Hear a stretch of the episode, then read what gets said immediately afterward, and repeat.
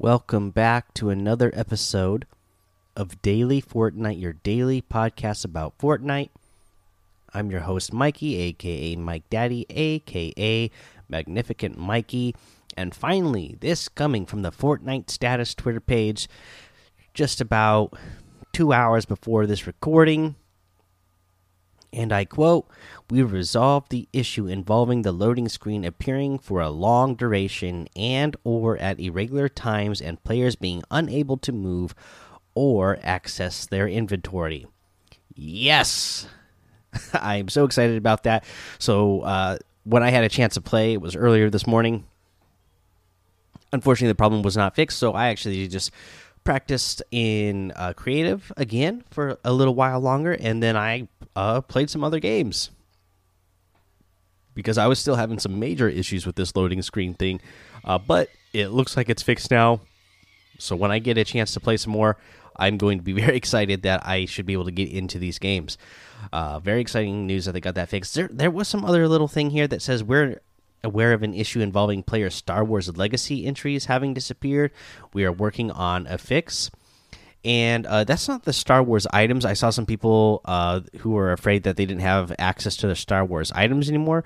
Uh, they just saw the tweet and thought that's what it meant. That's not what it means. You still have, if you know, if you bought any Star Wars items or if you unlocked any Star Wars items, you still have access to those.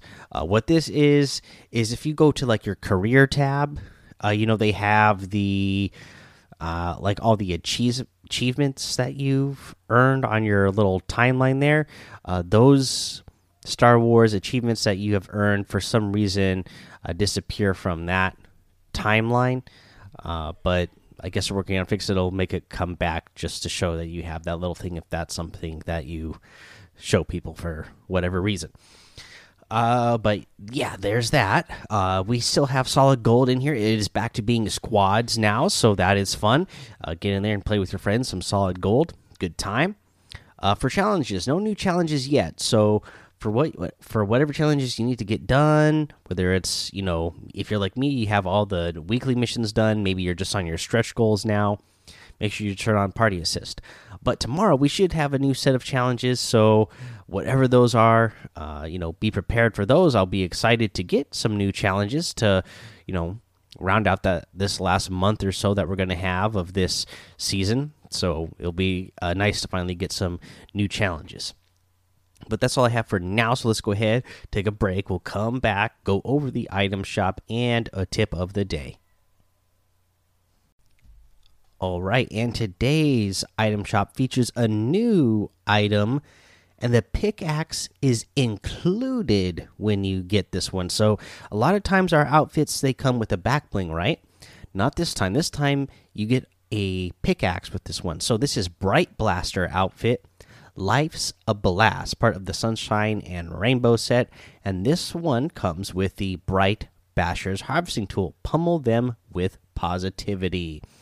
All right, so our bright basher, uh, he's got on the big poofy uh, vest jacket. It says bright on the back with a teddy bear face on the back. Uh, he's got pink sunglasses on, pink uh, mohawk. Uh, he's got the rainbow uh, knee pad on. So he's all part of that little deal here. And then you got to love the Brite Basher's harvesting tool that it comes with. It's dual axes. And then uh, on one of them has the. Uh, the teddy bear and the other one has the unicorn so uh, this is actually pretty cool i, I don't believe uh, they've ever done that before i don't remember them ever putting out a skin that comes with uh, a harvesting tool versus a back bling. So that's actually really cool. Uh, and I actually happen to really like the way this outfit looks as well. So uh, I think they did an overall really good job on this one. Uh, the, we have the uh, Raptor outfit back in here, the Velocity outfit, the Assault Bomber glider, and the Party Animal harvesting tool. Uh, one of my favorites, the Grim Fable outfit, is back in here. This is one I've definitely used a lot this season. Uh, we have the big bad axe harvesting tool and the Wolf Hunter wrap. Gotta love that. Uh, let's see here the burnout outfit, the brute gunner outfit, the ice pop harvesting tool, the fire spinner emote, the chicken emote, and the Brite Blast wrap. This is a new wrap. Uh, this one again goes with this new uh, guy. It's black and pink, and it has the teddy bear on it with uh, some stars on the wrap there as well. So pretty cool you have the Polar Legends pack, the Dark Fire bundle, and uh, the a Wavebreaker starter pack still in the item shop as well. You can get all of these using code Mike Daddy M M M I K E D A D D Y in the item shop, and it will help support the show. Hashtag sponsor. okay, so now for our tip of the day. Again, like I said, I've been practicing a whole lot more in creative, uh, just improving little by little each day. And here, here's something I uh, found that uh, is helping me improve, and uh, not something that I thought about right away. Just because when I was when I was uh, first stepping into creative to really just start ho uh, honing in my editing skills, you know, I would just put a I would just put a single wall down, and then I would you know practice editing uh, the triangle edit the the window edits and resetting them as fast as I could. Uh, you know, uh, the I've been even uh, practicing the Kanata uh, classic uh, edit as fast as I can, which is not great, but uh, you know I'm practicing it. But again, like I said, I'm just putting that wall down. Or if I'm uh, if I'm editing a ramp, I'm just putting a single ramp down, and then I was editing it. Same thing with the cone. I would just put a single cone down, and I'd start editing it. And then uh, I thought about it today. Here's what the problem is: is when you're when you're editing these things, when you're in a situation, it's because you're in a one v one against somebody in the game, right? And then a lot of times you end up uh, in a box. So if you're like me, you're somebody who has hit a plateau and you're not a great builder and editor, uh, the, this tip is for you this tip is build yourself in a box and then build, you know, practice editing within side of a box. So put a ramp down. You're in you're inside a box with a ramp now. How are you going to edit it?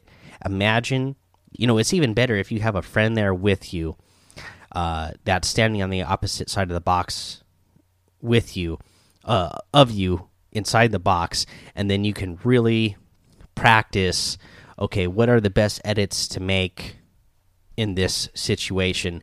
Uh, but if you don't have somebody with you in that moment, just imagine that somebody else is in the box with you on the opposite side, and then make the edits that are going to uh, best take advantage of putting you in this situation where you have the advantage. I mean, so that's what I've been doing today.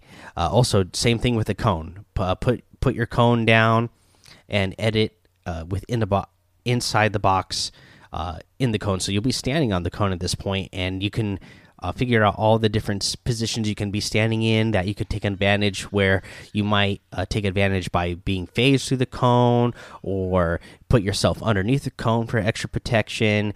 Uh, different things like that uh, yeah, practice inside of box when you're making these edits uh, to hone in those uh, box editing skills when you get in a sticky situation in the game. All right, guys, that's your tip of the day. Uh, come hang out with us over the Daily Fortnite Discord and hang out with us. Uh, I'll remind you again that on Thursday, uh, Mudcast is hosting the fashion show. So get in the Discord so you can get more details from him about that.